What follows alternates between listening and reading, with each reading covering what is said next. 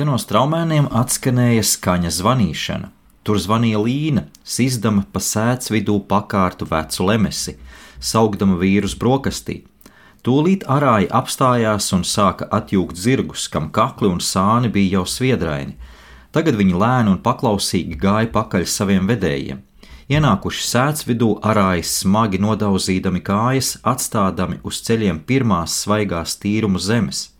Istabā viņus sagaidīja kartupeļu zupa, žāvēta cūkas gaļa, sviests un rudzu maize. No bikšu kabatām viņi izvilka katrs savu nazi un sāka ēst iepriekš noslaucījuši pieres, kur rievās sviedri vēl nebija izžuvuši. Tā sākās straumēnos pavasara darbi.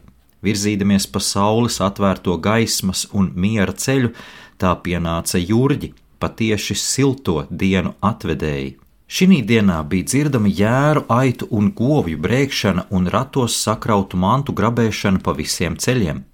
Tūkstošiem ļaužu nocēlās no savām dzīves vietām, kur viņi bija pavadījuši vai nu vienu vai vairākus gadus, un devās uz citām mājām. Kā ūdens meklē lēzenāku vietu, kur varētu salieties, tā šie ļaudis meklēja labāku dzīvi bet pa lielākajai daļai viņi atrada cerētās laipnības vietā nelaipnību un kārotās gaļas vietā siļķes un atgriezās citu gadu atpakaļ uz turieni, no kurienes bija nākuši. Atbraukuši jaunās mājās, gājēji ierīkojās viņiem ierādītajās telpās un ātri pierada, jo te bija tie paši sliekšņi, tās pašas valodas un cieti nomīdīti celiņi tāpat krustoja mājas pagalmu. Tā klejodami no gada gadā un no mājas uz māju, viņi peldēja cauri dienām, kā cauri viļņiem paši uz savu zemi un savām mājām, kuras beidzot viņi sasniedza pēc ilgiem gadu desmitiem.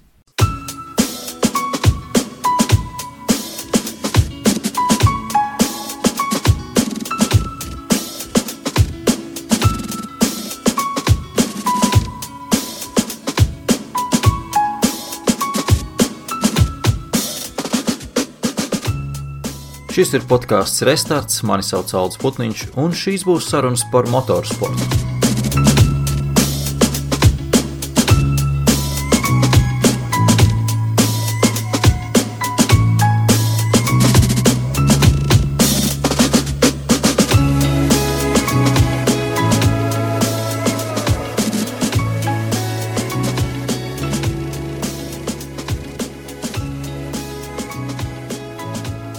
Skarbi, bet vienkārši laiki pirms simts gadiem Latvijā. Vienkārši es domāju, tādā ziņā, ka nav tik sarežģīti kā mūsdienās orientēties tajās smagajās pasaules problēmās.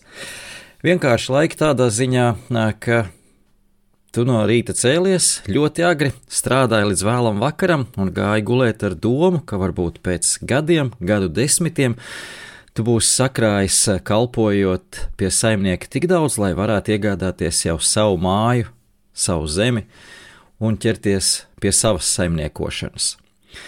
Un nebija nekādas izdegšanas, nebija eh, tādu problēmu, kā tas ir mūsdienās. Eh, tā kā tāda nedaudz, protams, mēs varam ar romantismu pieskaņu skatīties atpakaļ, bet nu, nemānīsim sevi. Skaidrs, ka tas bija ļoti smags laiks ļoti sarežģīts laiks. Nu, žēl, ka mēs neredzējām, kā tas viss attīstās tālāk. Vēsturiski, protams, Latvijā diezgan lieli pārtraukumi, citas lielvaras atkal stājās ceļā mūsu attīstībai, tā kā mēs to visu līdz galam nespējām ciklu iziet. Daži tika pie pasaimniekošanas, daži tā arī pāris gadus vai pāris desmit gadus tika pie kalpu vai kalpoņu vietas pie saimniekiem, bet tālāk jau, kā jau teicu, citas lielvaras stājās ceļā. Bet jā, šis citāts par jurģiem. Jūrģi lielā staigāšana, es domāju, ka daudziem mūsdienās pat ir piemirsies, ko tas īsti nozīmēja. Jurģos mēs varbūt vēl lietojam, izmantojam to kā simbolismu tajā brīdī, kad pārvācamies, bet Jurģos jā, visi kalpi, tie, kas nebija varbūt un kalponis, kas nebija apmierināti ar ar savu vietu, ar savu saimnieku devās eh, meklēt labāku vietu, siltāku vietu, kur vairāk maksā, kur vairāk gaļu dod siļķis vietā. Par straumēniem šeit citātā gan nebija iekšā. Tur straumēnos nekādas, nekādi jurģi gan nenotika. Ar straumēnu saimniekiem visi kalpi un kalponis bija apmierināti. Galvenais kalps patiesībā bija atrasts turpat straumēnu saimniecībā sev arī sievu, tā kā viņš jau tur bija piemeties un piesējies diezgan pamatīgi. Tā tas tā, tāda arī tāda laba situācija. Protams, saimniekam arī mazāk klapes, ja viņš ir apmierināts ar saviem kalpiem, tad, protams, Jurģos patīkamāk, ka neviens nekur nedodas prom un viss paliek pa vecam. Bet panesot to tā ļoti skaisti un eleganti jau uz Formule 1 čempionātu, mums šogad arī izskatās, ka varētu būt daudz jurģi, daudz pilotiem, Jurģi, bet eh, tas viss jau ir sācies. Neviens tā uz dūlo nekur eh, savu mantību ratos nesaliek, neiebrauc eh, svešā pagalmā, kā tas bija straumēnos, neiebrauc pie citas komandas ar savu, savām parpalām un saka, es te tagad gribu startēt. Protams, aizkulisēs tur notiek daudz sarunas un pārunas par nākamā gada līgumiem. Pilotu un komandas šobrīd daudz izpēta, izpētes darbus veids menedžeri strādā aizkulisēs. Tas ir tāds neredzamais darbs mums visiem, un viņi ir cītīgi jau pastrādājuši vismaz attiecīgi Šarle Klēra un Lando Norisa menedžeri un arī, protams, attiecīgās komandas. Šie divi piloti ir noslēguši jau līgumus redzēju gan komentāru, ka no, no kāda no līdzstējiem, es tagad nepateikšu, kurš tas bija, bet nav arī svarīgi, ka, ja mēs tā turpināsim, tad nekāds baigais kapiņš pa pilotu tirgu šogad, kā tas tika prognozēts un kā mēs tie arī anoncējām, kā es arī pats daudz esmu teicis, ka nekas tam līdzīgs te nenotiks, mēs vēl pirms sezonas sākuma visu jau sadalīsim. Uh, bet es varu nomierināt, ka viss ir kārtībā. 13 pilotiem joprojām nav līgums uz 25. gadu līdz 24. gada beigām. Tagad bija 14, tātad viens no viņiem Šāds Leklērs ir pagarinājis līgumu, turklāt Landona Norris nemaz nebija šai sarakstā jau iepriekš, tā kā mēs viņu nevaram ieskaitīt. Tā kā nomierinieties, dārgie draugi, viss ir labi, viss ir lieliski, mums vēl pilotu tirgus intrigas ir priekšā. Cita lieta un cits jautājums ir par to, ka vadošajās komandās varbūt nav tik lielas aktivitātes paredzamas, un šie divi pilotu līgumi, Lando Norris un attiecīgi Šārs Leklērs, tiešām varētu būt viena no skaļākajiem, lai gan es domāju, ka mums tagad ir viens cits korķis šampaniešu pudelē, kas nedaudz tagad varētu nobloķēt visu pilotu tirgu. Ja iepriekš tas tā diezgan izteiksmīgi varēja būt Sergio Peres, kurš, nu, protams, arī šobrīd joprojām teorētiski varētu būt, bet tur jau tā, tāda iekšējā šampaniešu pudelē ir kas, kas varbūt neatiecas uz visiem, ir Red Bull komandā. Šajā gadījumā tātad viņi no iekšējiem resursiem visdrīzāk to lēmumu varētu pieņemt, ko likt Peres vietā. Tad šobrīd visā čempionātā kopumā izskatās, ka nedaudz ir iestrēgusi otrā pilota vieta Ferrari komandā, kas attiecas uz Carlos Sainz. To nedaudz arī vēlāk aprunāšu. Bet kopumā divās daļās šajā podkāstā pastāstīšu tātad par šīm divām lietām, par Leclerc un Norisu, kā jau teicu, ļoti svarīgas lietas patiesībā. Un šie līgumi un interesants nianses tur vairākas ir, eh, kas varbūt pirmajā mirklī tiem, kas, tiem, kas lasa tikai virsrakstus, un es saprotu arī, ja jūs lasat tikai virsrakstus, London Norris pagarinājis līgumu ar McLaren, viss man vairāk neko nevajag, man pietiek ar to, galu galā cilvēki ir aizņemti un galu galā cilvēkiem cits lietas jādara. Tas ir mans uzdevums meklēt vēl starp rindiņām un aizkulisēs par to, kas tad īsti slēpjas aiz tā virsraksta un ko mēs no tā varam nolasīt. Uh, un visu pārējo, un tad censties jums pietiekami sīki, pietiekami vienkārši to izstāstīt, un tad mēs varam arī tiecīgi padiskutēt par to, vai piekrītat vai nē, un ko tas viss arī nozīmē. Ķersimies klāt! Ķersimies, ķersimies klāt līgumiem, sāksim ar Šarlu Leclerc, tā kā ienākšanās kārtībā. Jā, un es nepateicu, kas bija otrajā daļā, es atvainojos, nepateicu, kas bija otrajā daļā plānots, kā jau es eh, pagājušajā nedēļā eh, Twitterī ieliku tādu nelielu mini aptauju, nu, mini aptauju, to es no savas puses varbūt tā ieliku, bet nu ļoti liela aktivitāte bija, ārkārtīgi daudz komentāru bija eh, attiecīgi par šo Drive to Survivor seriālu, kurš tika paziņots, ka iznāks 23. februārī, un kādas tad attiecīgi jūs gribat redzēt sērijas šajā seriālā par kādām tēmām. Tās es visas apkopošu, un otrajā daļā tad pieķersimies tam top 10, jeb mūsu, mūsu versijai par šo seriālu. Bet, kā jau teicu, sākšu ar Leclerc un Lando Norisa līgumiem. Par Leclerc vispirms. Leclerc līguma garums, šī vēl viena lieta, par ko es esmu nedaudz sašutis, publiski nav zināma. Pilnīgi oficiāli ne no Ferrari, ne no arī McLaren komandas, bet Leclerc līgums varētu būt līdz pat 2009. gadam, par to arī iepriekš jau tika baumots Itālijas presē, un potenciāli tas varētu būt 5 gadu līgums 3 plus 2.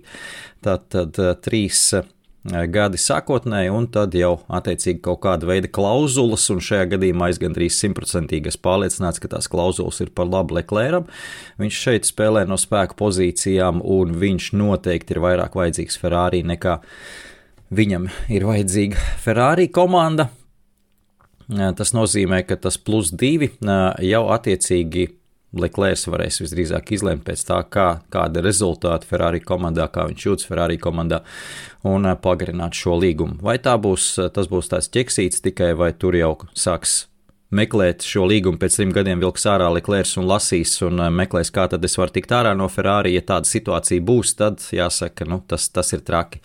Tad tā būs pamatīgi neveiksme, būs iztērējis trīs savus karjeras eh, gadus Šārls Leclerc. Un tāds arī, tāds arī, protams, šobrīd tas lielākais eh, biets daudziem Leclerc līdzstājiem arī eh, Ferrari faniem, kas, kas pamazām ir kļuvuši par tādiem mazohistiem, kas pas, paši par sevi jau pasmējās, protams, bet es ļoti ceru, ka tā tas nenotiks, jo šis ir skaists stāsts attiecībā ar Šārlu Leclerc, jo kāpēc, kāpēc arī Leclerc tagad ir tāds, tāds tā kā frančīs pilots, kā to teica, starp citu, Zaks Brauns, un mūsdienās vispār tādu frančīzes pilotu ir ļoti daudz. Tas pats uh, Norris tagad kļūst par tādu McLaren uh, frančīzes pilotu. Uh, Verstapens viennozīmīgi Red Bull, protams, nu, Hamiltons varbūt mazāk izteikti, bet nu, par Mercedes pēdējos gados, protams, sākotnēji tomēr viņš bija McLaren pilots.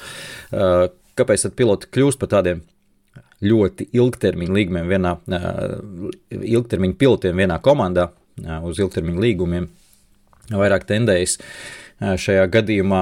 Nu, skaidrs, ka pirmkārt jau noslēdzot vadošā komandā līgumu, tu faktiski ar tiem gadiem nostiprinies šajā gadījumā. Tas pats Leclerc un daļai arī Norris, un, protams, arī Verstapēns nostiprinies kā līderis. Tu esi šajā komandā faktiski izkarojis sev vietu, ko jebkuram no viņiem pārējot uz citu komandu būtu ārkārtīgi grūti izdarīt vismaz uzreiz. Un, nu, Formulā 1, kā mēs zinām, tomēr tiem rezultātiem arī no pilota viedokļa ir jābūt uzreiz, ja tu sevišķi ej vadošajā komandā. Un ļoti grūti ir pievienoties komandā, kur jau kāds ir šo vietu izkarojis. Un tā kā viņi ir tādās labās pozīcijās, teiksim tā, gan visi šie trīs, ko es piemērus minēju, labās pozīcijās un grūti no tās siltās vietiņas viņus tur ir izstumt.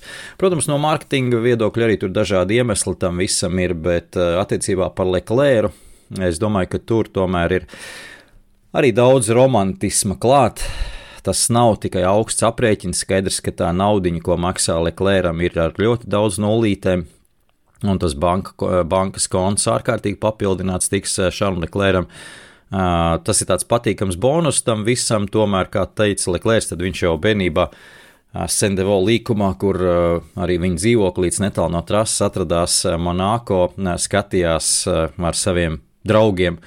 Sacīksts Monako Grand Prix izcīņu vienmēr meklēja, kur tad ir sarkanā mašīna, kur tad ir Ferrari. Uh, Viņam tā saikne ir ar to Ferrari ļoti cieša emocionāli.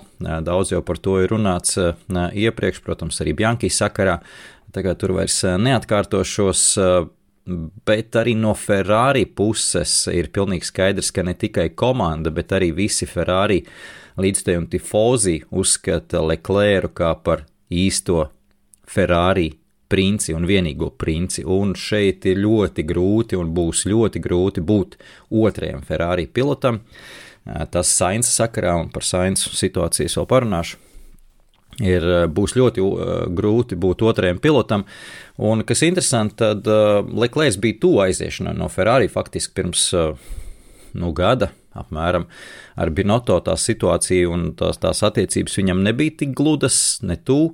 Un, ja tā situācija būtu turpinājusies tā, kā tā turpinājās ar Binoto, ļoti iespējams, ka Leclerc šobrīd jau nebūtu Ferrari pilots vai, vai nākotnē jau 25. gadā attiecīgi taisītos prom. Arī viņam būtu pienākuši jurģi, un iespējas jau būtu teorētiski, kāpēc nevar būt pavērtos vietai pašā Mercedes. Galu galā, kur, kur mēs nezinām, kas pēc 24. gada notiks tālāk. Nu, jāskatās, kas notiek, protams, Red Bull, kurš nu grib iet pie Maksa Verstapena, vai tur būtu gatavs iet Šarls Leklērs, tas ir cits jautājums. Bet iespējas meklēt jaunu vietu pilotu tirgu būtu, nu, sliktākajā gadījumā Aston Martin, kas šobrīd ar Fernando Alonso arī iezīmēs, ka tā 4. 5. spēcīgākā komanda, kā, nu, tas arī tāds sliktākais variants. Bet palīdzis Liklērs ir Ferrari komandā, un es teiktu, ka ļoti liels nopelns Tanī ir Frederikam Vasūram. Pirmkārt, jau, protams, iepriekš labi, ļoti labi pazīstam, bet Frederiks Vasūrs noteikti ir paveicis pirmo un galveno uzdevumu, kas viņam bija jāizpild, jāizpild pirmajā gadā Ferrari komandā, proti jāsakārto situācija ar Leclerc, un šeit es arī runājot šo visu nedaudz aizdomājos, ka varbūt tomēr ir ārkārtīgi prātīgi arī bijuši šoreiz Benedito eh, viņa un arī Džons Elkans attiecībā par šo lēmumu eh, noņemt Binoto no trases, ielikt vasūru un ļaut viņam strādāt, un pagaidām izskatās, ka šī schēma arī labi darbojas, un ja turpmāk arī nejauksies uh, Vasūra lietās, varbūt tur tiešām kaut kas labs var sanākt ar Ferrari, jo tās pozitīvās iezīmes bija. Nestoties to, ka mēs, ja mēs salīdzinām tā tīri cipariskajā formā Ferrari sniegumu pirms gada un iepriekšējā sezonā, tā 22. sezona un 23. gada sezona, tad 22. gada sezona bija krietni labāk. Pirmais gads jaunajā tehniskajā ērā, cīņa par čempionu titulu, vairāk uzvaras, vairāk nu, Paula varbūt nebija vairāk, tagad man jāstāsta tā statistika, bet viss bija labāk, viss bija skaistāk, augstāk pozīcija gal, gal galā arī čempionāta kopvērtējumā.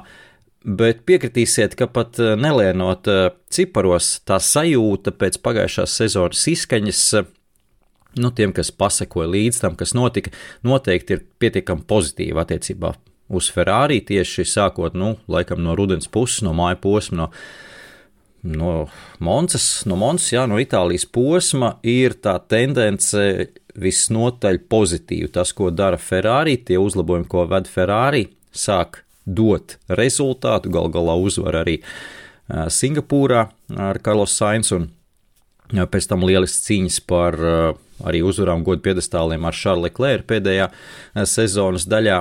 Un neredzējām mēs vairāk eh, daudz muļķību viņa izpildījumā, kas vienmēr ir bijusi tāda iezīme iepriekšējos gados. Tā kā, kā jūs teicāt, tā, tā tendence nav tā gluži kā ar nazi nogriezt tagad, nu, vasūrs ienāca un hlops, viss ir savādāk un, un krietni labāk, bet tiešām tā tendence izskatās, ka aizkulisēs pamatīgi vasūrs strādā un tendence iet uz to labo pusi. Un iespējams arī Šārs Leclerc to ir novērtējis. Viņš uz to skatās nu, no pirmās rindas sēdvietas, tā kā vislabāk viņam viss ir redzams. Un šajā ziņā es domāju, vislabāk viņš zina, ko tad komanda, uz ko tad komanda varētu būt spējīga. Tā kā pagarināts ir šis līgums, tā situācija ir interesanta ar to jāsaka, līguma garumu. Es jau teicu, ka es, ka es par šo parunāšu, un, un tā ir tā tāda lieta, kas man līdz galam nav skaidra. Kāpēc nevar oficiāli arī publiskot pilotu līgumus? Kāpēc tam ir jābūt, kāpēc tai jābūt slepenai lietai? Šajā gadījumā Šarlī Klēra un pēc dienas uzreiz arī Lando Norris līguma garums. Jo pirmkārt, Es domāju, ka šeit vajadzētu uzspiest arī Liberty mēdī, ka būtu jāpublisko šie līgumi, līgumu laiks, līdz kuram tad ir noslēgts. Ir daudz čempionātu, kur tas ir obligāti, pat summas ir jāzina. Nu, tās tie gan ir čempionāti kā NBA un NFL arī, ja nemaldos, kur ir šie algu griezti un skaidrs, ka tur ir summas, summām jābūt zināmām labi. Pieņemsim, ka summas varbūt nav pilnīgi oficiāli, bet tāpat tās lēnām mēs viņus uzzināsim. Bet līguma garums tā ir tā lieta, kas mums arī kā līdzjutējiem varētu būt ļoti interesanta, jo tajā brīdī mēs arī tā kā sākam pievērst uzmanību, sākam salīdzināt, kuram pilotam līdz kuram laikam, kā te varētu tās pārmaiņas notikt. Un tā ir vesela dimensija, par ko mēs atkal varam runāt, kur mēs atkal varam darboties, ņemties un, un ģenerēt saturu galu galā. Un es domāju, ka Libertī tas tikai patiktu. Un organizatoriem. Tā kā viņš šeit varētu uzspiest uz šo, jo es neredzu iemeslu, kāpēc to neteikt. Jo gal galā, ja viņi slēpj viens no otra, nu tās ir pilnīgās muļķības. Pat mēs, kā publika, to diezgan drīz un diezgan droši uzzināsim, proti, šos eh, līguma termiņus, jo tur ir vesela rinda cilvēku, eh, kuru darbs ir tikai un vienīgi strādāt uz pilotu līgumiem. Menedžeri, gan no komandu puses, gan no pilotu puses, viņu pirmais uzdevums ir zināt, kas notiek ar citiem pilotiem citās komandās, cik ilgi ir līguma garums, un to viņi visu uzzina. Tad līdz ar to tu no sava konkurenta jau īsti nevari neko noslēpt ilgtermiņā. Nu, tas ir uz pāris, nezinu, nedēļām. Un uh, tas lēnām, kā jūs teicat, izsūcās arī līdz publikai. Es neredzu tam, tam slepenības plīvoram jēgu. Tā ir tāda apmēram, ka nu, Formula 1 augstākā slepenība un slepenības vārdā mēs tagad arī to aizslepenosim. Bet nu, tā, kāpēc to darīt? Nu, ļoti iespējams, ka tur varbūt ir kaut kādas klauzulas, tādi šie nu, 3 plus 2, 2 plus 3, nezinu, tā tad ir kaut kāda veida klauzulas, kas uh, sarežģītie līgumi, kas, kas varbūt paredz, ka tomēr tas līgums ātrāk beidzās nekā šajā 29. gadā Šāram Leklēram. Līdz ar to tur varētu būt kaut kāda veida papildus spiediens uz komandu, uz pašu pilotu, ka tagad mēs tagad skatāmies, vai jūs pagarināsiet to līgumu vai nē, un konkurence ies iekšā šajā, šajā arī situācijā un mēģinās varbūt savus, savus piedāvājums iesniegt Leclercam, bet, kā jau teicu, nu, konkurenti jebkurā gadījumā to uzzinās un uh, zinās šo līgumu garumu, tā kā es nezinu, ko cenšas šeit noslēgt. Nu, tas pats arī ar Lando Norris situāciju. Uh, par Sainz situāciju, pirms es ķeros pie Lando Norris par Sainzu. Interesanti, šī ir interesanta lieta, jo nu, pilnīgi skaidrs, ka Leclerc ir pirmais numurs. Ferrari komandā šobrīd ar šo līgumu, ja tiešām tas ir līdz 29. gadam, plus 1, plus 2, nu, kāda tur starpība. Ferrari komanda gan nevienā brīdī, kā mēs redzējām, kā viņi operē arī Vasūra pakļautībā, nesaka, ka mums ir pirmais un otrais pilots. Un viņi varbūt arī šobrīd oficiāli to nenodala, bet pilnīgi skaidrs, ka iekšēji un sirdī un dvēselē viņi zina, kurš ir komandas dārgumiņš un kurš ir komandas pirmais pilots, un šis līgums to apliecina. Šis līgums to apliecina pilnīgi noteikti to apliecina lielā mērā arī vai apstiprina, ka tas ir pareizi un ka tā ir taisnība. To apstiprina arī pagājušā gada noslēguma fāze, brīdī, kad komanda strādāja uz līdzīgi kā Red Bull uz ātrāko mašīnu, uz pietiekami asu priekšu. Formulē, kas, kas ļauj ātrāk, teorētiski, vismaz teorijā, pēc teorijas un pēc simulācijām, ātrāk izbraukt līkumu. Tajā brīdī Leclerc pārsvars pār Sainzu palielinājās. Un šie divi piloti vispār, starp citu, ja mēs tā paskatāmies uz viņu uh, pilotēšanas stilu, tad ir diametrāli pretēji. Tiklīdz uh, spēcīgāk ir aizmugure, stingrāk turās pie zemes, tā sains ir priekšā, tiklīdz ir otrāk priekša, uh, stiprāk un attiecīgi aizmugure tāda vaļīgāka un staigājošāka tā Leclerc sāk dominēt, un uh, viņš var spēlēties uz tā nāža asmens, jo tā mašīna, kurai priekšā ir uh, asāka un attiecīgi vaļīgāka aizmugure, protams, uh, vairāk pakļaut riskam ir norauties kaut kur trajektorijā un izslīdēt no trases, bet ir piloti, kas spēj uztaustīt to saķers robežu un uz tās arī dzīvot, faktiski, teiksim tā. To tāds ir Maks Verstapens, un tieši tā viņš panāk tos labos rezultātus, un tāds lielā mērā ir Šārs Leklērs, tā viņš panāk tos lieliskos rezultātus kvalifikācijā. Tā nevar dzīvot Karlos eh, Sainz īsti, viņam ir vajadzīga nedaudz savādāk tā formula. Un eh, šeit nav nekāda kritika attiecībā par Sainz, tā ir vienkārši cita piltēšanas eh, tehnika un cits piltēšanas stils. Līdz ar to Ferrari nav pat īsti iespējams, man liekas, ka tāda situācija ar šiem diviem pilotiem, ka viņi varētu uzbūvēt formulu, kas vienlīdz lieliska un laba ir abiem. Nu, tāda būs vai nu viens vairāk, vai viens uh, otrs uh, mazāk. Un tas nozīmē, ka visu laiku būs Tā kā mēs arī to redzējām izteikti pagājušā sezonā, ne te viens pilots augšā, te otrs pilots augšā. Nu, nav gluži tā, ka abi divi vienlaicīgi eh, top pozīcijās, tur visu laiku tāds niansīts bija. Tā, tā bija pat laba situācija priekš Ferrari. Nu, ja nav viens, tad ir otrs, un mēs tāpat tos punktus paņemam, ko mēs varam paņemt. Protams, tas strādā uz konstitūru kausa, tas nekādā veidā nestrādā uz čempionu titulu izcīnīšanu. Tur vajag tad attiecīgi vienam tam pilotam dominēt, un skaidrs, ka mēs ar šo redzam visdrīzāk, ka Ferrari darīs visu, lai ietu Leclerc virzienā, un šeit vēlreiz saku, nevis apzināti, tāpēc, lai viņu bīdītu kā pirmo pilotu, bet tāpēc, ka pirmkārt tas tomēr ir ar augstāku potenciālu virziens tieši tehniskajā ziņā. Un tad jau ļaut Leclercam ar to arī strādāt. Bet pilots kā Sainz, es domāju, arī no Ferrari puses viņi to ļoti labi apzinās, ir ļoti vajadzīgs, ļoti vērtīgs. Eh, ļoti simpātisks un arī lielā mērā tomēr mēs redzam, ir labi strādājis šis duets vismaz pagājušā sezonā, vismaz Vasūra pakļautībā, ka tur ir skaidrība, kāda ir subordinācija, no kura brīža tā stājas spēkā, vai pēc kvalifikācijas, vai, vai pēc treniņiem, lai nu kā, ja tur ir skaidri noteikumi, tad tā situācija strādā un tad tie noteikumi strādā.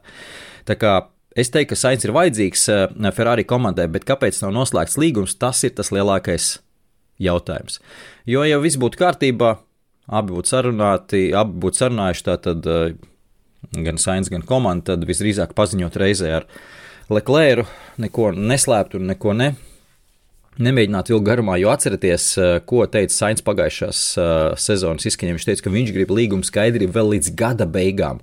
Gads ir sen pagājis, drīz sāksies jaunā sezona, skaidrības joprojām nav un neiet uz to, ka būs tā skaidrība. Nu, es ceru, ka es kļūdos un ka drīz mēs zināsim to, to situāciju, bet uh, nu, šobrīd tās aizkulisēs runā tā, ka viens gadu līdum, līgums tiek piedāvāts Sainzam, ar ko Sainz nav mierā, kas ir loģiski, jo viena gada līgums tā ir, tā ir bišķiņa irgāšanās par pilotu, par labu pilotu.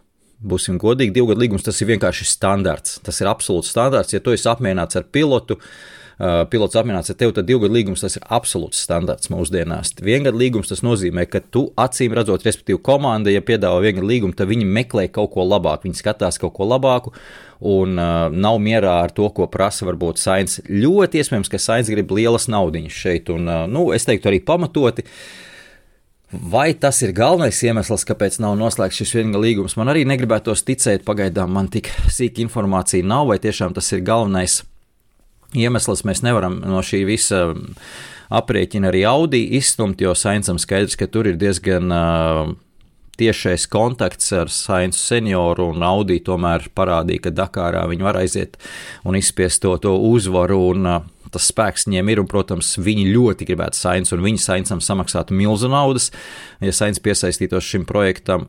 Tas būtu tāds augsta līmeņa tehniskais pilots ar lielu pieredzi, nu, par ko Audi tikai sapņot varētu. Nu, viņi nedabūs tik labi pilotus pirmajos gados, ja viņi ienāk uz šī brīža Zauber vai, vai Steak komandas bāzes, kas šobrīd cīnās par pēdējām pozīcijām. Nu, tur jābūt pilotam, kas tiešām ir ticis šim projektam un gatavs veltīt divus, trīs, nezinu cik gadus, lai, lai spiestu uz, uz augšu šo komandu.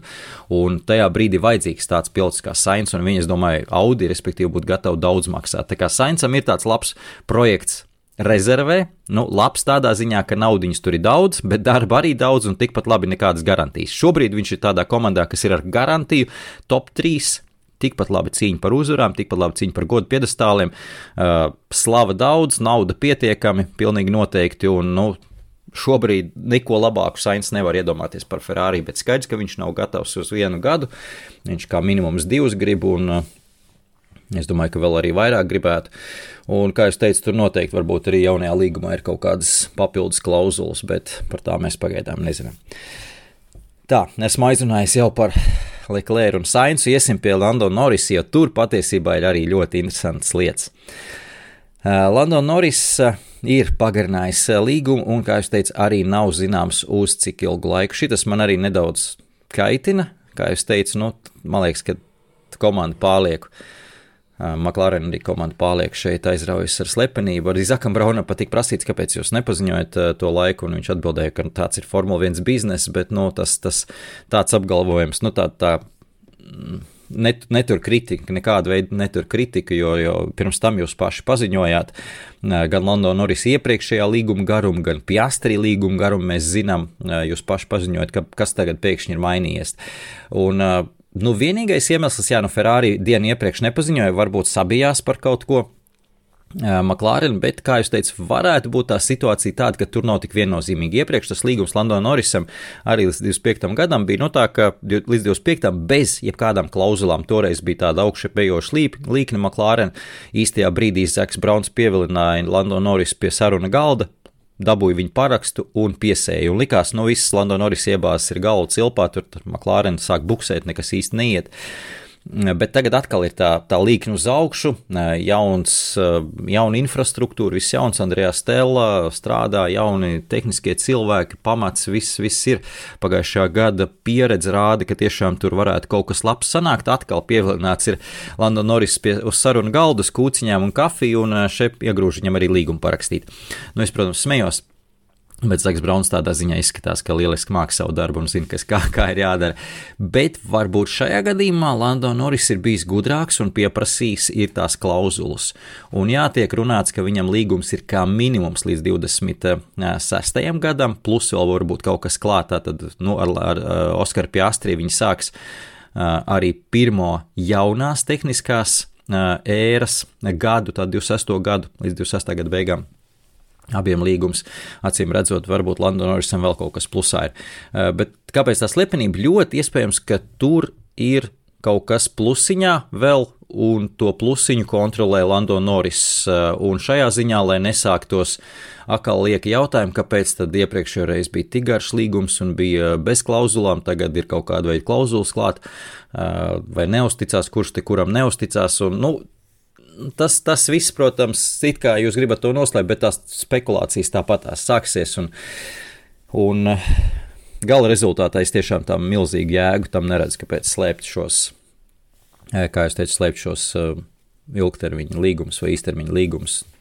Naudu jūs varat, jā, tā ir cita lieta, tās finanses, varbūt tās, jāsvar, tās jūs varat slēpt, cik nu jūs gribat, tāpat tās, tās iznāks kaut kur ārā, bet, bet šos līguma ilgumus Tas ir diezgan dīvaini. Bet par Lando Norrisu līgumu Red Bull. Red Bull visu laiku ir fonā. Lando Norrisam īsi iepriekšējo sezonu mēs ik pa brīdim pieminējām Red Bull. No Red Bull atceramies, Lando Norris mēģināja pārrunāt jau ļoti sen. Laikā, kad vēl Brendons Hārtlīs, kurš tādu atceras, Brendons Hārtlīs mocījās ar uh, Toro Rosso, tad jau uzrunāja Londonu Norrisu Red Bull. Nu, patiesībā arī šī, mm, šīs konteksts no Red Bull puses lika McLaren sasparoties un krietni ātrāk strādāt ar Lando Norris, lai nodrošinātu viņam vietu Formulā 1. Tā kā tur tā interese un ostīšanās no Red Bull puses ir bijusi vairāk kārt pēdējā gada laikā, iepriekšējā gada laikā pilnīgi atklāti ir gan Kristians Horners, gan Helmuts Marko atzinuši, ka viņi, viņiem simpatizē Lando Norris, turklāt vēl čuvāki ir ar Maksu Verstapenu. Lando Norris, un skaidrs, ka bija gatavi visnotaļ arī diezgan lielu atpirkšanas naudu nolikt uz galda uh, brīdī, kad Peres eh, sāk mocīties eh, arī pagājušā gadā Klārena komandai. Uh, Fer, es runāju, Red Bull vienība un Red Bull puse, bet nu šobrīd skaidrs, ka ar šo jauno līgumu, nu, lai izpirktu tagad Red Bull, tad tur vajadzētu tiešām milzu, milzu naudu un neba, neba vairs Red Bull to darīs un neba McLaren arī uh, nolīga Lando Norrisu, lai par lielu naudu viņu pārdot. Tas nebija tas galvenais iemesls, jo tomēr viņi arī meklē sev komandas eh, līderi, un visnotaļ tādu, es teiktu, ir atraduši, un tāpēc arī grib viņu paturēt komandā. Tā kā šobrīd nedaudz ir nolikts uz pauzes, eh, nolikt uz pauzes šī Red Bull interese, es teiktu tā, par Lando Norrisu, bet pats pats interesantākais, kas šajā visā, es vēl atgriezīšos pie, pie Lando Norris līguma, bet kas interesantākais, eh, varbūt redzējāt kaut kur pēc šī līguma parakstīšanas bija Sky TV intervija ar Lando Norrisu. Viņam tika prasīts par šo Red Bull līgumu, par pievienošanos Maksam Verstapenam. Red Bull komandā. Un tas, ko viņš teica, tas bija ārkārtīgi pārsteidzoši, jo Formule 1 piloti parasti tā nerunā. Proti, viņam tika jautāts, vai tu negribēji pievienoties Red Bull vienībai un kā būtu pievienoties Red Bull vienībai, kad tur ir Maks Verstapens. Un Lando Norris neteica, ko, ko būtu, es teiktu, teikuši lielākā daļa Formule 1 vadošie piloti, ka jā, man būtu tāda iespēja, protams, es ietu, es ne, ne no viena nebaidos, un kāpēc gan ne? Un um, Maks Verstapens ir tikai vēl viens pilots, un, ja es gribu cīnīties par čempionu titulu, man arī viņš ir jāpārspēj. Uh, Lando Norris teica, ka pievienoties Red Bull tas nav prāta darbs, tā nav gudra stratēģija. Principā viņš daudziem vārdiem apgāja vārdu es biju nobijies. Nu, nevar teikt, ka, viņš, ka viņš domā, ka viņš ir nobijies, bet lielā mērā viņš to arī mēģināja pateikt, ka šobrīd pievienoties Red Bull komandai, tas nav prātīgākais, jo man nebūs iespējas cīnīties par augstām pozīcijām, man izstumt Maksu Verstapenu no līdera pozīcijas Red Bull vienībā tas ir loģiski un racionāli. Mm, tur, tur nevar, nevar uh, ar to strīdēties, bet ja mēs to situāciju pārliekam nedaudz savādāk, uh, pamodelējam, iedomājieties Maksu Verstapenu, ja viņš šobrīd būtu Red Bull komandā, pieņemsim, kas necīnās par čempionu titulu un kas nav vadošajās pozīcijās, un uh, Savukārt, pieņemsim, nu, pieņemsim Mercedes, tā ir vai vienalga, kura cita, kas cīnās un ir dominējoša komanda, un Mercedes komanda atbrīvojas viena pilota vieta blakus Luisam Hamiltonam. Un Maksam Verstapenam jautāt, vai tu esi gatavs iet uz šo komandu. Manuprāt, Maks Verstapens vienkārši momentā gatavs uz jebkuru komandu, kas ir vadošo, vadošajā pozīcijā, kas ir labāko formulu, un viņam nav bail no viena. Respektīvi, tā ir tā lieta, jā, vai tev ir bail no tā, tā pilota, kas ir šajā vadošajā komandā, kurš tur ir iesēdies, kurš tur iesildījis vietiņu, kurš ir visu komandu apvilcis ap sevi, vai tev ir bail ieiet šajā mm, sistēmā un mēģināt to sistēmu nedaudz sapurināt un uh, savilkt ap sevi. Nu, tur ir divi dažādi, divas dažādas personības, Lando Norris un Maks Verstapens šajā ziņā. Un es nesaku, ka Lando Norrisam trūks tas, tas slepkavs instinkts šajā ziņā, jo tāda sajūta, ka tomēr trasē esot un um, tieši sacīkšu laikā es neesmu novērojis, ka Lando Norris minstinātos kādo, kādā brīdī arī izdarīt kaut ko kardināli, ja tas ir jāizdara. Bet, nu, acīm redzot, viņš ir kaut kur prātīgāks, piesardzīgāks, uzmanīgāks, modelē vairāk to situāciju, vai es, es šobrīd pats ar sevi nedaudz strīdos, un es nesaku, ka viena vai otra lieta, un laba vai slikta lieta, bet es pats ar sevi nedaudz strīdos, ko tas īsti nozīmē. Vai ir kaut kas, kas nedaudz pietrūkst Landonam Norrisam līdz ar to tajā maksimālismā, vai tomēr tas ir tieši otrā, tas ir tāds prātīgums, tas ir tāds racionālisms, kas patiesībā ļoti labi var viņam nostrādāt, un viņš ir labi izplānojis, no kurām pozīcijām labāk cīnīties ar Maksu Verstapenu. Jo, ja tu uzskati, ka tu nevari vienā komandā pārspēt Maksu Verstapenu, kur viņam būs lielākas priekšrocības, jo viņš šajā komandā ļoti ilgi daudz un komanda strādā liel, vairāk uz viņu, tad varbūt tev labākas iespējas ir pārspēt Maksu Verstapenu, esot citā komandā, ar citām spēcīgajām pusēm, ar citu mašīnu. Uh, kas arī citām spēcīgām pusēm, un tādā veidā mēģināt viņu nostumt no tā Formule 1 čempionā, čempionu troņa. Tā kā te es arī vēl joprojām ar sevi cīnos, un es domāju, mēs atbildi redzēsim arī tuvākajos gados. Ko tas īsti nozīmē, bet katrā ziņā ļoti intriģējoši šī situācija. Bet jā, kopā ar Piastri tagad būs līdz 26. gada sezonai. London Norris McLaren komandā viņš ir uzlicis uz šo McLaren diezgan pamatīgi, jāsaka, arī ārkārtīgi lojāls, tieši tāpat kā Šarls Leclerc. Jā, Šarls Leclerc, es tā iedomājos, šobrīd tāds sajūta, ka ir iegājis Monako kazino un uzlicis visu savu naudu uz sarkano.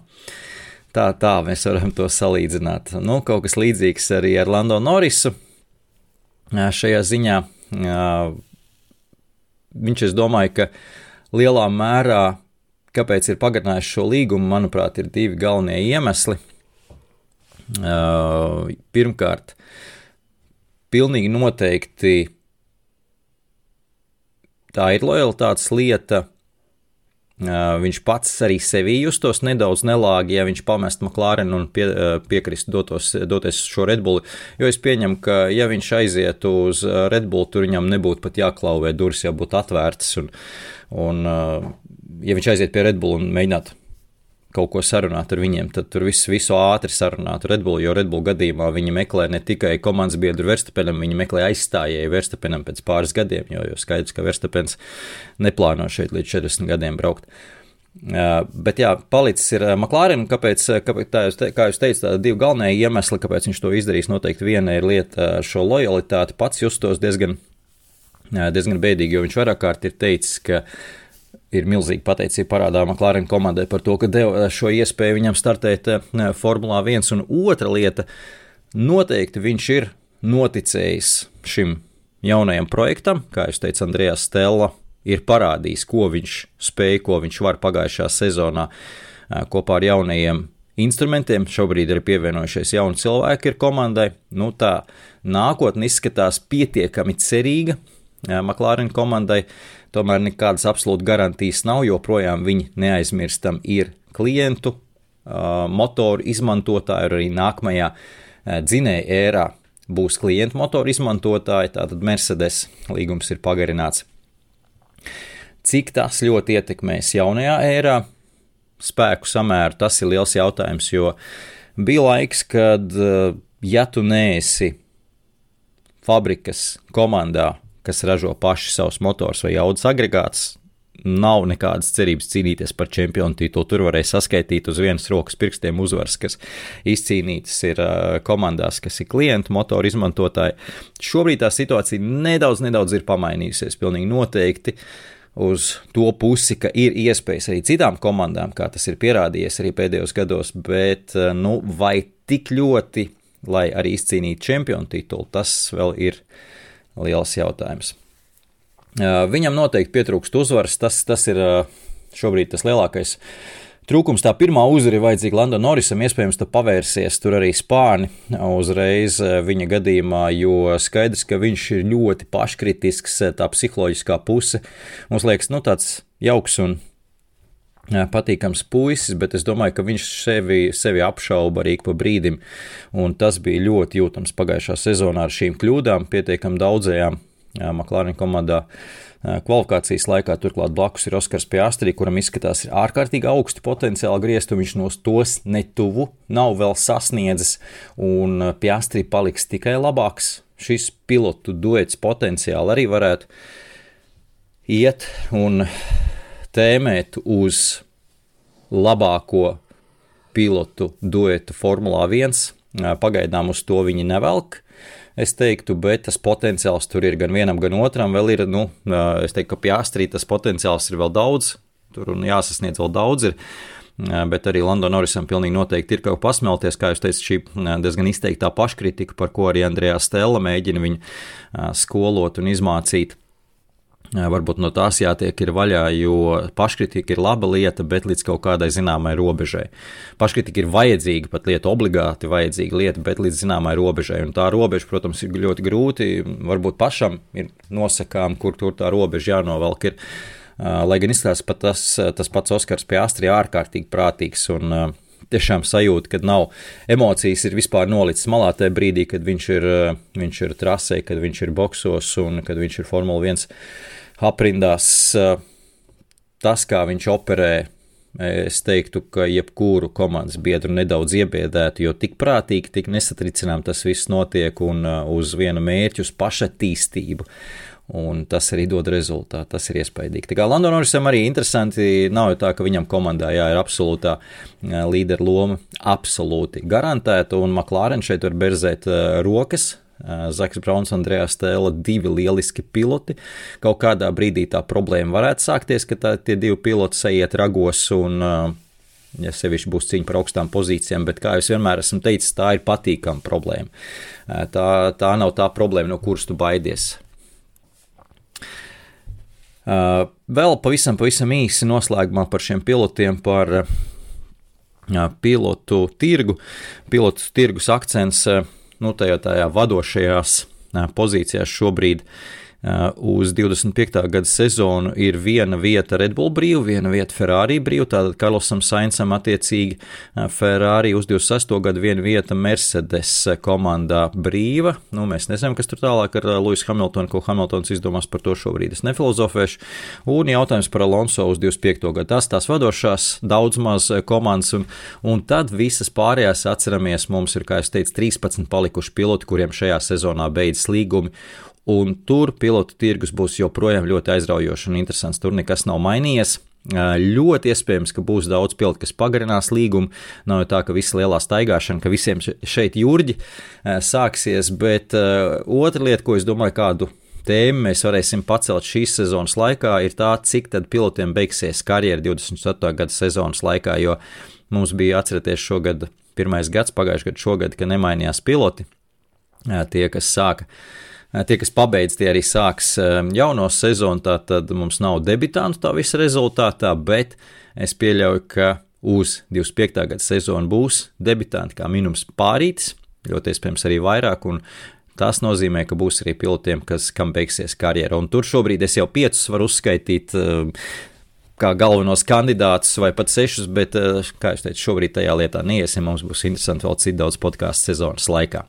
Tā kā tik tālu par Lando Norris un Šarlu Leclerc, divi vieni no jaunajiem, potenciālajiem, arī ļoti, ļoti simpātiskiem, godīgi sakot, šie abi piloti man ārkārtīgi patīk. Ir pagarinājuši līgumus ar savām komandām, tā kā viss notiek viņu gadījumā. Šobrīd šo tēmu liekam malā un ķersimies tad pēc nelielas pauzes arī klāt pie Drive to Survive. Esmu atpakaļ pēc pauzītes. Pauzīt bija tikai man, jums, jums tā bija viena sekunde. Tā kā viss kārtībā, viss turpinās. Noslēdzošajā daļā šajā podkāstā, kā jau solīju par Drive to Survive, kamēr neaizmirstu, neliela atkāpīte Amerikas virzienā. Šodien ir 30. janvāris. Es nezinu, kad jūs klausīsieties šo podkāstu, jo vispirms šis podkāsts tiek publicēts Patreon mājaslapā. Tā kā kā jau ierasts pāris dienas iepriekš, agrāk Early Access tā tas saucās. Sapratu, Patreon mājaslapā, ja nu tie, kas nezina, ja nu jūs nezināt, regulāri ir arī tādi īsie podkāsti, tad kaut kādu konkrētu ziņu, jaunumu analīze, īsa apmēram uz 20 līdz 30 minūtēm. Nav gluži restarts formāts kā šis, bez pasakas lasīšanas un tā tālāk, eh, bet vairāk tādi, kā jūs teicāt, tāds īsais, eh, īsais ieskats par, par jaunumiem pēdējie eh, tie attiecīgi bija par šo trasi Madridē, kas mums briest uz 26. gada sezonu, nu un tāpat arī par citiem jaunumiem, kas mums te parādās ziemas laikā, un, protams, arī sezonas laikā tāpat Es turpināšu gatavot šādu veidu īsos podkāstus priekš eh, Patreon.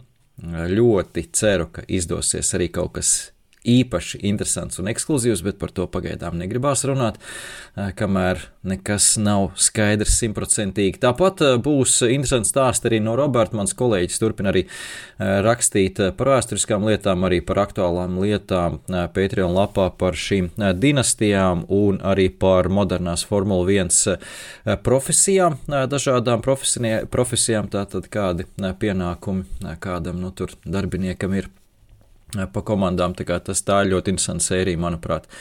Nu, un pirms sezonas es tagad jau varu tā atklāti pačukstēt, pirms sezonas sākuma un uzreiz pēc testiem, vismaz tāds mums ir plāns, būs Patreon lapā pieejams arī pirms sezonas apskats.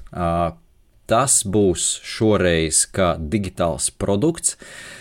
Visiem Patreon atbalstītājiem tas produkts būs par brīvu, bet to varēs iegādāties arī kā vienreizēju pasākumu tiem, kas, tiem, kas nav varbūt mūsu Patreon atbalstītāju grupā. Konkrētāk, tomēr tajā brīdī, kad tur arī jau tās aprises būs skaidrs un, un tapušas, tad, tad jau izbļaustīšu varbūt nedaudz skaļāk. Bet Ko es gribēju teikt? Šodien, 30. janvāris, kad es ierakstu, šodien iet NASCAR filma gaisā, tātad Drive to Survive analogs NASCARā. Izskatījās pēc trailerīša arī diezgan interesants, arī kaut kādas kaušanās jau tur, nu kā jau amerikāņiem viņi jau bortā likšana un kaušanās arī ir klāt vienmēr sportā. Un kā, iesaku arī paskatīties Netflixā, pameklēt NASCAR analogu Drive to Survive.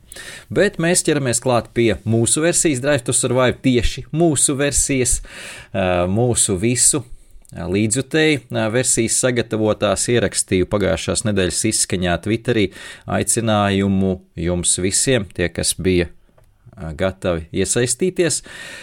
Uzrakstīt, ko tad jūs gribētu redzēt jaunajā sezonā Drive to Survive starp šīm desmit sērijām, kur tā lielākā intriga, kas jums nav līdz galam varbūt tapis skaidrs, kur tādas padziļinātas aizkulises gribētos redzēt un saskatīt.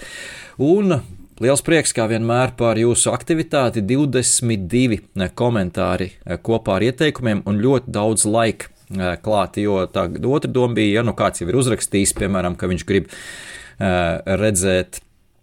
Maksa Verstapena sarunas ar viņa sacīkšu inženieri Džampiero Lambāzī, sīkāk dzirdēt, redzēt aizkulises, ko tur viens par otru saka.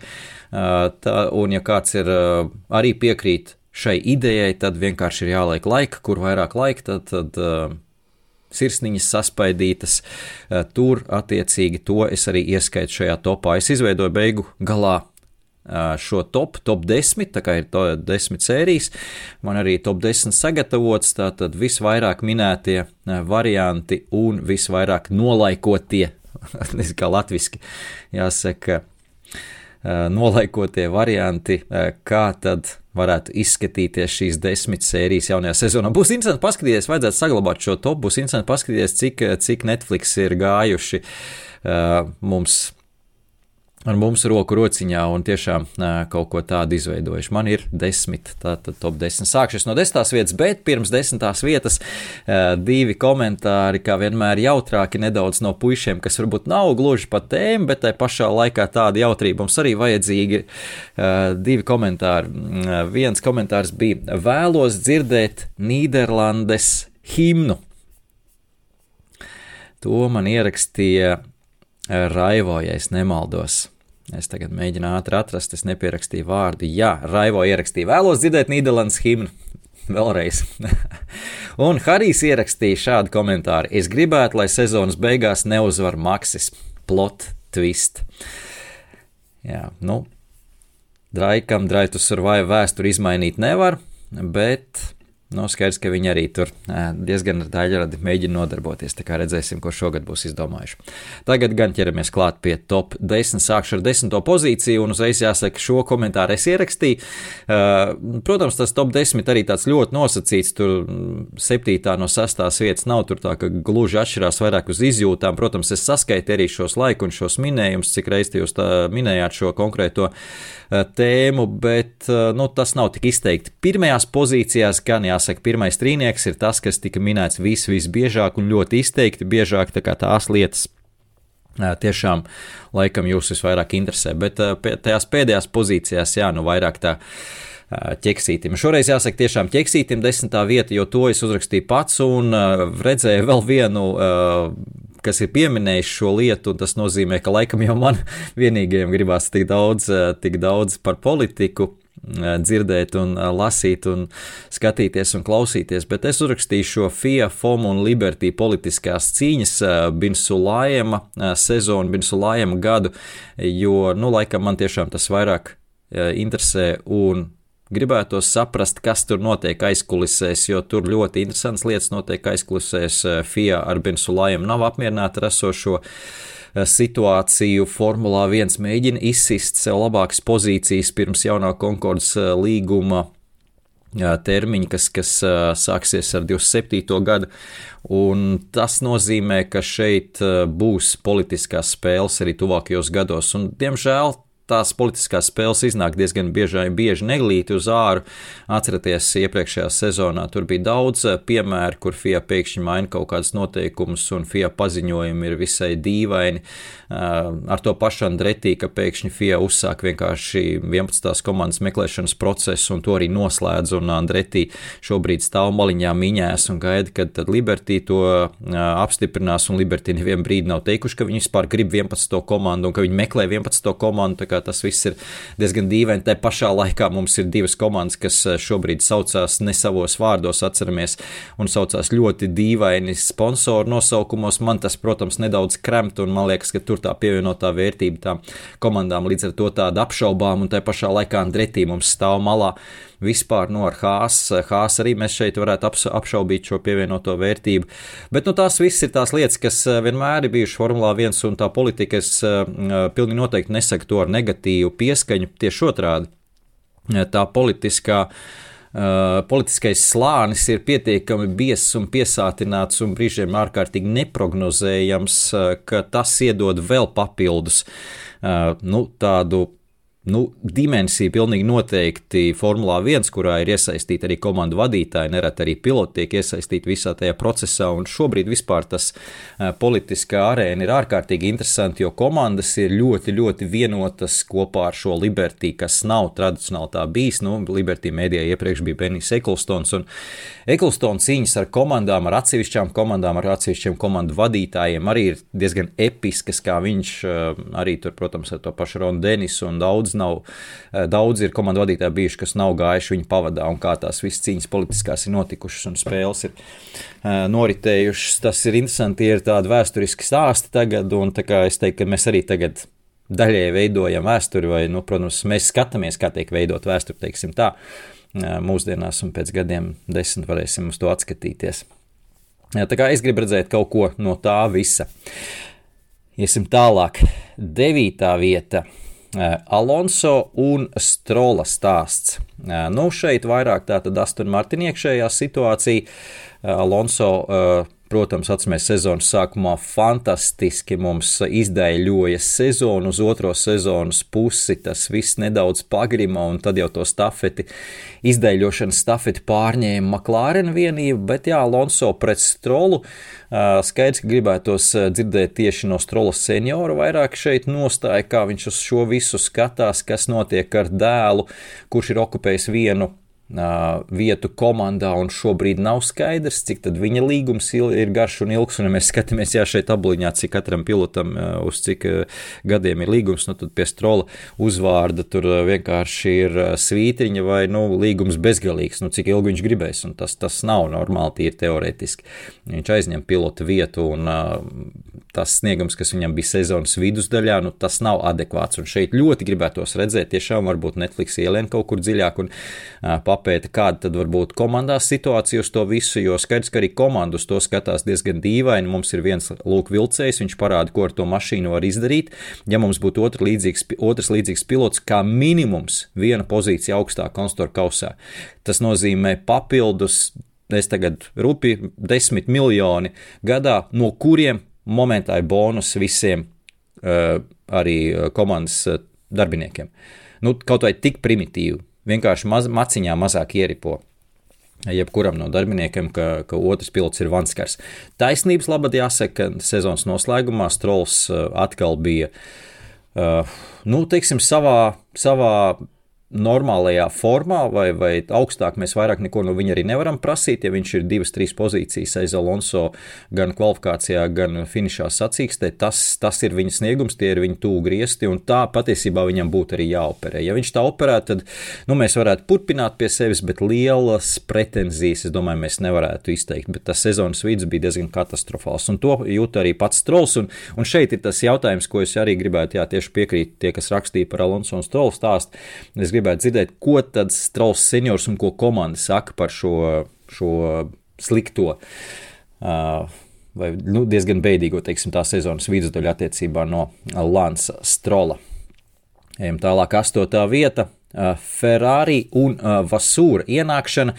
Es beigās pieliku šeit pat klāt arī tādā vienā katlā uh, Sainz un Leclerc cīņa, un patiesībā tad jau vajadzētu pavilkt to visu uz augšu vairāk, bet, nu, kā jūs teicat, tām pozīcijām varbūt nav tik liela nozīme. Bet jā, Ferrari ir ienācis Frederiks Vasūrs, un kā jūs stāstījāt arī iepriekšējā podkāstu daļā, pirmajā podkāstu daļā attiecībā par Leclerc līgumu, tad Vasūra ienākšana ir jūtama ar tādām fundamentālām, varbūt negluži uzreiz pa aci iedod izmaiņām, bet tādām fundamentālām izmaiņām, kas izskatās ir izmainījis pašu komandas attieksmi un metodiku, strādā darba metodiku kā tādu. Negluži varbūt rezultātus tieši, bet tas arī nebija tas galvenais pirmajā sezonā, kas bija jāizdara. Un tas ir tas interesantākais, kā to panāca Vasūrs. Nu, es nezinu, vai mums spēs to nodemonstrēt Netflix, ja viņi to spēs, visu cieņu. Pilnīgi noteikti, jo šobrīd parādās ļoti daudz jautājumu par to, vai Netflix vispār nav izsmēlis šo savu formātu un ka tā bodīte ir jāklapē ciet. Es esmu tādus komentārus redzējis. Pagaidām es teiktu, ka, eh, un par šo jau es esmu daudz runājis, es tagad atkal nobīdījos no tēmas, piedodiet, darbie draugi, bet eh, es teiktu, ka tomēr Netflix joprojām ir vajadzīgs. Eh, arī es gaidu no viņiem šo to, un es ceru, ka, ne, es ceru, ka nebūšu vīlies. Eh, un noteikti noskatīšos tās sērijas, jo nu, mēs varam teikt, visi mm, pacelt degunu gaisā un teikt, jā, nu, ko, ko jūs man tur jaunu parādīsiet, jūs tur izdomājat kaut kādas muļķības, kas nav bijušas un eh, paši uzburat intrigu. Eh, tas ir tāds dramaturģijas blakus efekts, ar ko vienkārši ir jāsamierinās, darbie draugi. Nu, nav viss slikti dzīvē. Vienkārši pieņemiet to kā tādu lietu, tas ir jāsamierinās ar to, ka tas būs dramaturģija, ir jāpieliek klātam visam, lai, lai tam būtu dramatisks efekts. Bet e, Jebkurā sezonā, visās sezonās es varu likt roku sirds, visās drive-thru vai sezonās ir kaut kas bijis, ko es nezināju. Jā, varbūt es e, nezinu ļoti daudz un esmu muļķīts, bet e, man liekas, ka tur ir ko paņemt katram no mums. Tāpēc nu, es Es gluži nepiekrītu tiem, kas saka, ka tur vairs nav ko redzēt. Mēs visu zinām, mēs visu to esam redzējuši, un tas ir tiem, kas neskatās formulu. Nu, tā gluži nav. Mums arī tur ir ko paņemt. Ir, ir vairākas lietas, noteikti, ko mēs arī saskatīsimies ļoti ar jaunajā sezonā. Un, un tāpēc mēs uzliekam lūk, diezgan augstu latiņu, ko mēs sagaidām eh, no Drive to Survive. Kā jau teicu, viens no, eh, viens no tādiem uh, Piemēriem varētu būt Frederika Vasūra ietekme uz Ferrari, kā, viņ, kā to viņš ir panācis aizkulisēs, kā viņš strādā. Nu, un, protams, Sainz un Leclerc savstarpējā cīņa. Tā cīņa, protams, iepriekšējā sezonā, būsim godīgi, nebija tāda, kas uh, ieies kaut kādā klasikā, un tur nebija fantastisks savstarpējās cīņas, ne tuvu, bet nebija jau īsti arī par ko cīnīties viņu starpā, bet ļoti interesanti būtu paskatīties, kā teiksim, viņi ir gatavi strādāt zem vasūra ar šo jauno uzstādījumu. Atceramies sezonas sevišķi otrajā daļā, kur attiecīgi pilots, kurš ir zemā kvalifikācijā, palīdz ar savu darbību trasē un arī ar savu stratēģiju upurē visu vadošā pilota labā. Un izskatās, ka abi piloti uz to arī parakstījās, abi uz to strādāja godprātīgi. Un uh, tā ir interesanta lieta, kā viņi pārkāp pāri sev. Es domāju, ka to mēs gribētu redzēt, eh, jo tas nav viegli izdarīt. Bet no otras puses, šobrīd to ir vieglāk izdarīt, jo nav tādas reālas cīņas par uzvarām. Tiklīdz tās būs regulāras, tad noteikti šī pārkāpšana sev un strādāšana uz otru pilotu nu vairs tik vienkārši nenotiktu. Nu, un eh, diezgan tādā līganā solī ejam nākamajā, kas sanāk tā tad sestā vieta. Uh, nē, septītais, atvainojos, septītā vieta, kur ir Singapūras Grand Prix Sainz uzvara. Tā, tā ir arī tāds turpinājums Ferrari stāstam. Uh, sīkāk par Singapūras Grand Prix Sainz uzvaru bija vairākas vēlmes no jums dzirdēt, redzēt, saprast. Nu, skaidrs, ka Singapūras uzvara Sainsam tomēr uh, bija pateicoties tam, ka nebija tur Red Bull motošajās pozīcijās, bet Sainz elegantā sacīkstes aizvadīšanas taktika un stratēģija nenoliedzami bija viens no sezonas spilgtākajiem mirkļiem, spilgtākajiem momentiem. Nu, man joprojām, ja man prasītu absolūti spilgtāko sezonas mirkli, tad noteikti tā ir Interlagosas Alonso cīņa pret Peresu un trešā vieta. Tas, tas man personīgi bija ļoti emocionāls moments un ārkārtīgi patika, bet Sainz arī, jā, protams, savu ar tevu devu, lai tā sezona mums nedaudz krāsaināk vismaz sanāktu. Tālāk, sestā vieta - Lasvegasas posma peripētīs. Nu, par šo es gandrīz droši esmu, ka mums diezgan daudz parādīs. Skaidrs, ka Liberty spiež uz to, turklāt Liberty paši ir šī posma promoteri, un noteikti arī Netflix tur bija klāt, daudz safilmēja to Sainza atkal Sainz mums jāpiemina, Sainza katastrofu mm, ar, ar to norauto vāku. Nu, gluži nebija kanalizācijas, bet nu, labi kāda starpība. un tā tālāk. Vispārējo arī lielisko sacīs gala rezultātu, aizraujošo, aizraujošo rezultātu, un uh, to mums vairāk noteikti parādīs. Vai tā būs vesela sērija? Jā, redzēsim. Ejam tālāk, tojamies jau tādiem spilgtākajiem, spilgtākajām tēmām. Peres un Redbull. Jā, šis būs interesanti, kā to iepakos mums Netflix Peresa sezonu augšā lejā Redbull komandā. Sezonas sākumā cīņa par čempionu titulu, kas bija ļoti īslaicīga. Pats Peres gan stāvā sajūsmā bija par to, ka tas, tas, nu, tas ir sācies un tas notiek, un redzējām, cik ātri tas viss beidzās un cik ātri tas galo, balons izlaida gaisu eh, Peresam. Un kā to pasliek, pasniegs uh, Netflix un kā to iepakos un, un uh, sakompresēs, teiksim tā, jo jā, tas ir visas sezonas garuma notikums un nu, no pašas augšas līdz pašai lejai tās emocijas staigājušas ir Peresam un tas snieguma rādītājs staigājuši Peresam un kā to iepakot vienas.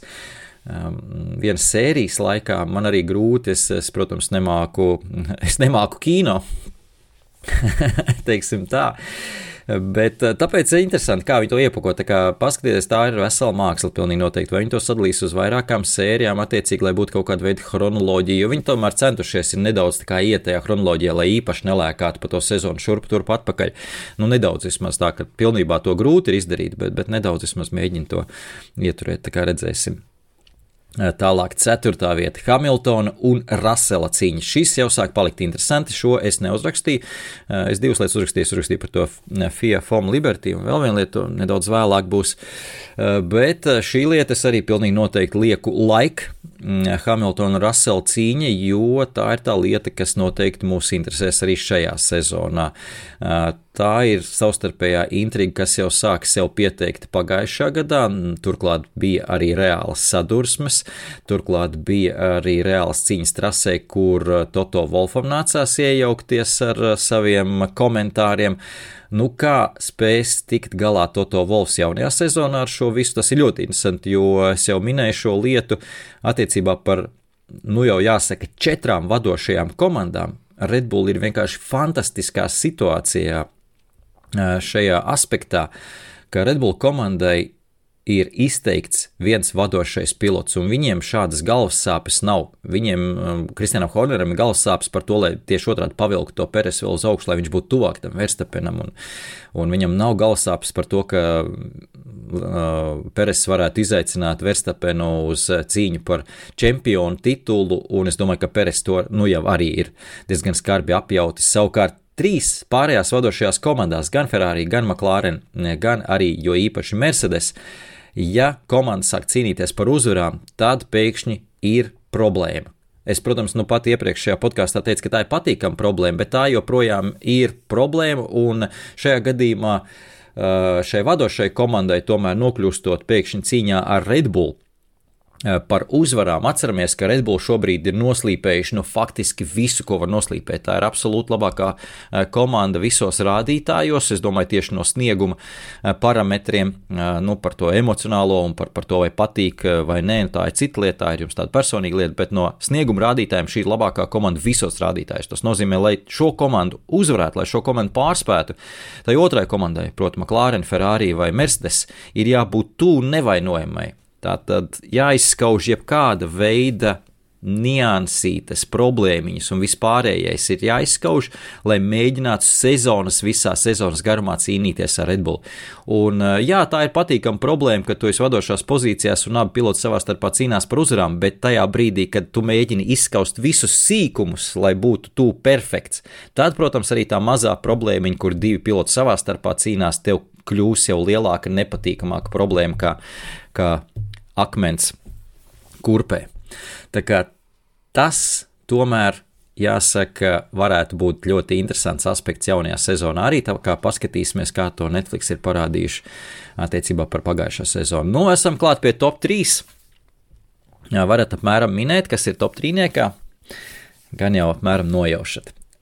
Trešā vieta - Daniela Rikārdo atgriešanās, un es saliku kopā arī šajā pašā blokā Devrīs aiziešanu, jo nu, tas, tas tā loģiski viss iet kopā, un arī Liam Lausona parādīšanos epizodis. Tā kā es domāju, ka arī Netflix būs noķēruši gan Lawsonu, gan Devrīsa aiziešanas momentu, gan, protams, Rikārdo atgriešanās tiks parādīta, vai viņi to visu sakompresēs vienā sērijā. Arī jautājums, jo skaidrs, ka Rikārdo vispār ir lielā superzvaigzne, ja mēs paskatāmies, kur, kas ir lielās superzvaigznes Netflixam, nu tad uh, Rikārdo tur ir top trīniekā, ja ne pati lielākā uh, superzvaigzne, ko noteikti viņi grib parādīt. Pat ja viņš nebūtu atgriezies, es domāju, Rikārdo figurētu tur ik pa brīdim, katrā sērijā ar savu smaidu uz uh, komandu tiltiņu, bet nu tagad viņš figurēs pilnīgi noteikti. Tā kā redzēsim, interesanti būs. Nu, Devrīs situācija varbūt mazāk. Lausons, Lausons tiešām varētu tas būt interesanti, jā, kā Lausons tiek iemests uzreiz baseina dziļajā galā un ļoti labi tur spirinās un peld. Un, protams, avārija, Rikārdo trauma, atkal emocijas, karuseles viņam augšā lejā. Un tagad ir nostiprinājies beidzot šajā Alfa Tauri komandā, kas vairs nav Alfa Tauri komanda, kas ir vīza cash-up eh, komanda, kuru mēs sauksim visdrīzāk Racing Bulls jaunajā sezonā.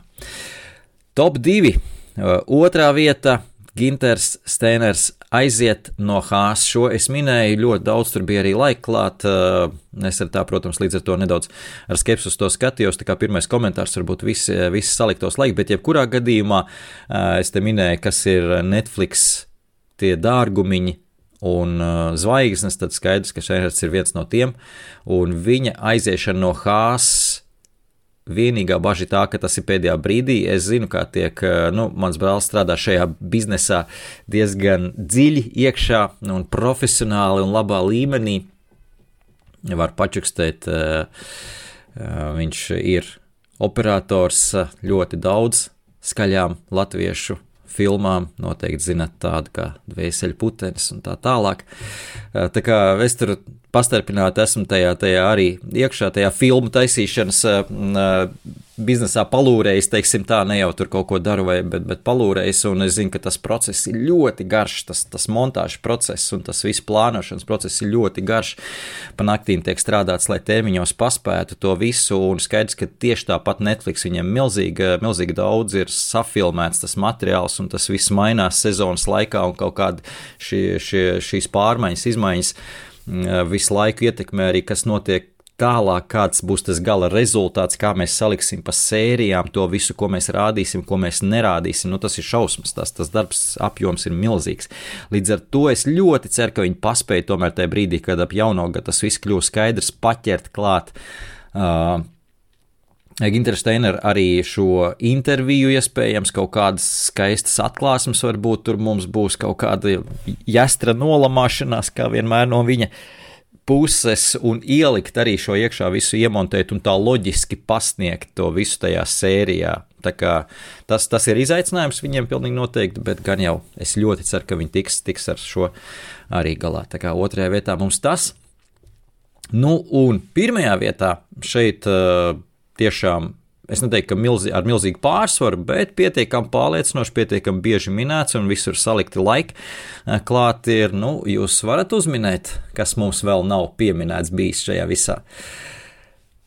Taram, taram, tas ir McLaren. McLaren iekšējās cīņas, pilotu cīņas eh, savā starpā Lando Norris pret Oskaru Piastri. Nedaudz varbūt pārsteidzoši man, es pilnīgi piekrītu, ka tur tas ir interesanti un tas ir aizraujoši un tas ir fantastiski, bet ka tas tik ļoti daudz interesē, es pieļauju, ka varbūt vienkārši ir mums daudz McLaren līdzjutēji. Tā varētu būt. Man liekas, McLaren vienkārši trāpījuši kaut kur arī uz savu mārketinga stratēģiju. Nezinu, vai Zack Brown nopelns tas ir vai nē, cik lielā mērā Zack Brown nopelns, bet vispār trāpījuši ir kaut kur uz to mīksto uz to vārīgo vietu mūsdienu līdzjutējiem. Un tie, kas jaunie līdzjutēji nāk iekšā, viņi kaut kā parakstās uz to uh, McLaren stratēģiju, un, un, un ļoti daudz tiek piesaistīta McLaren. Un, un pat man, vecam kraķim, patīk, patīk kā McLaren uzvedās, kā strādā un kā izskatās un vispārējais.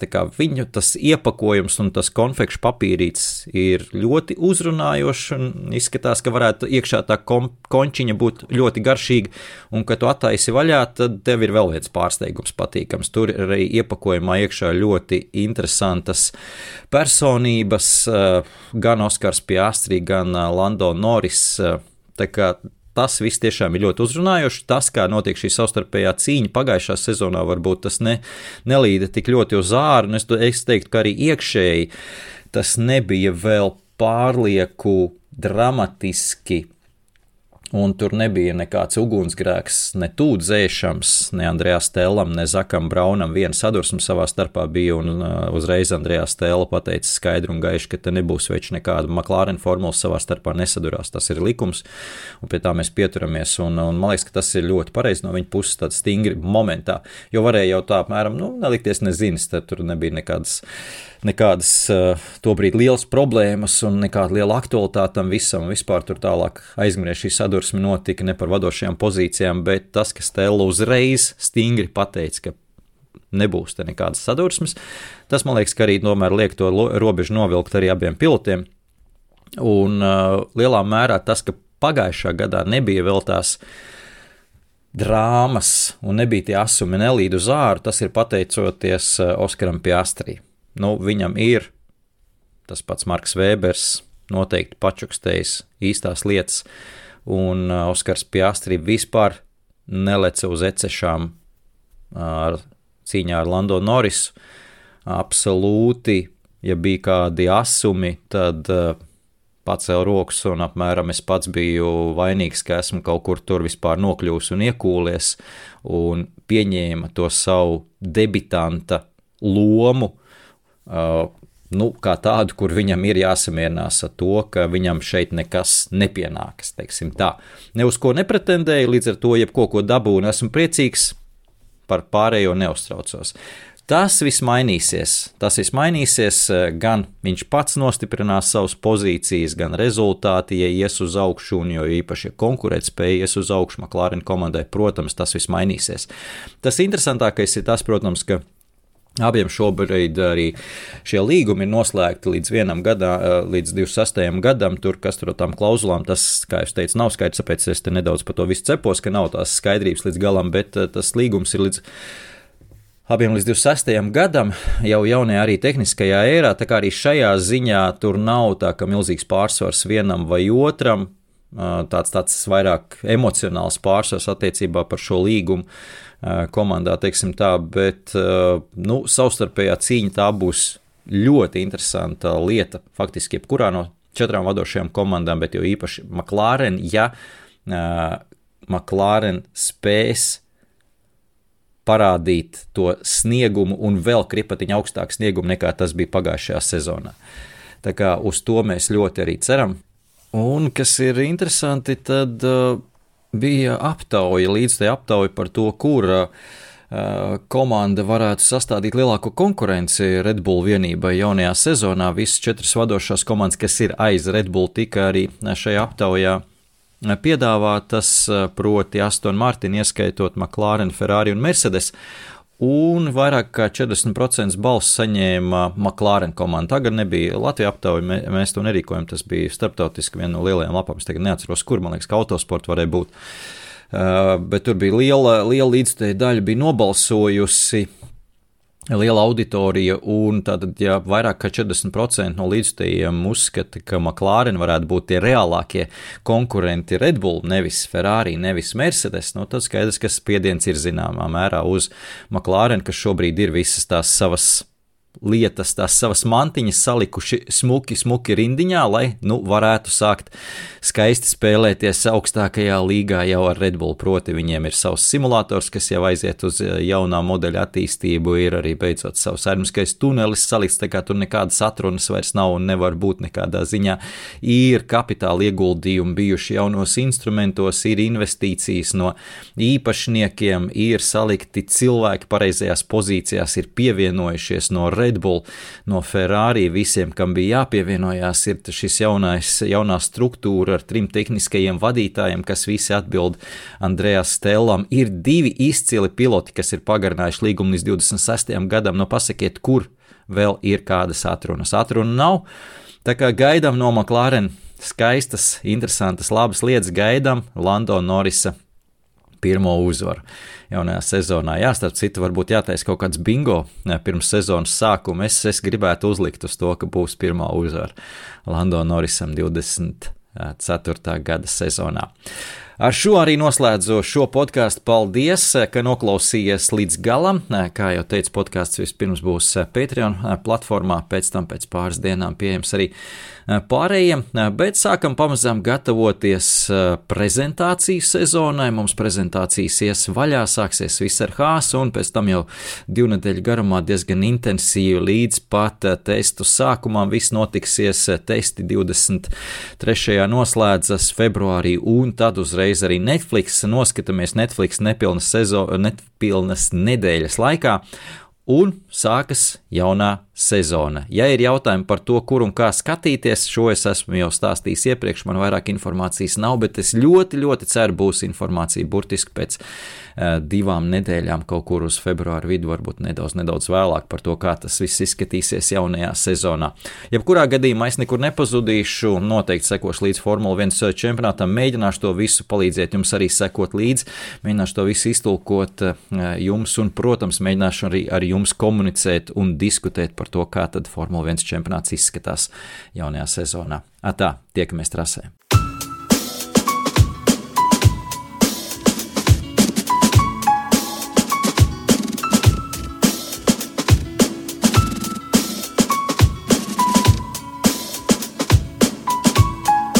Mūzika no Perfect Muse, Lucky Number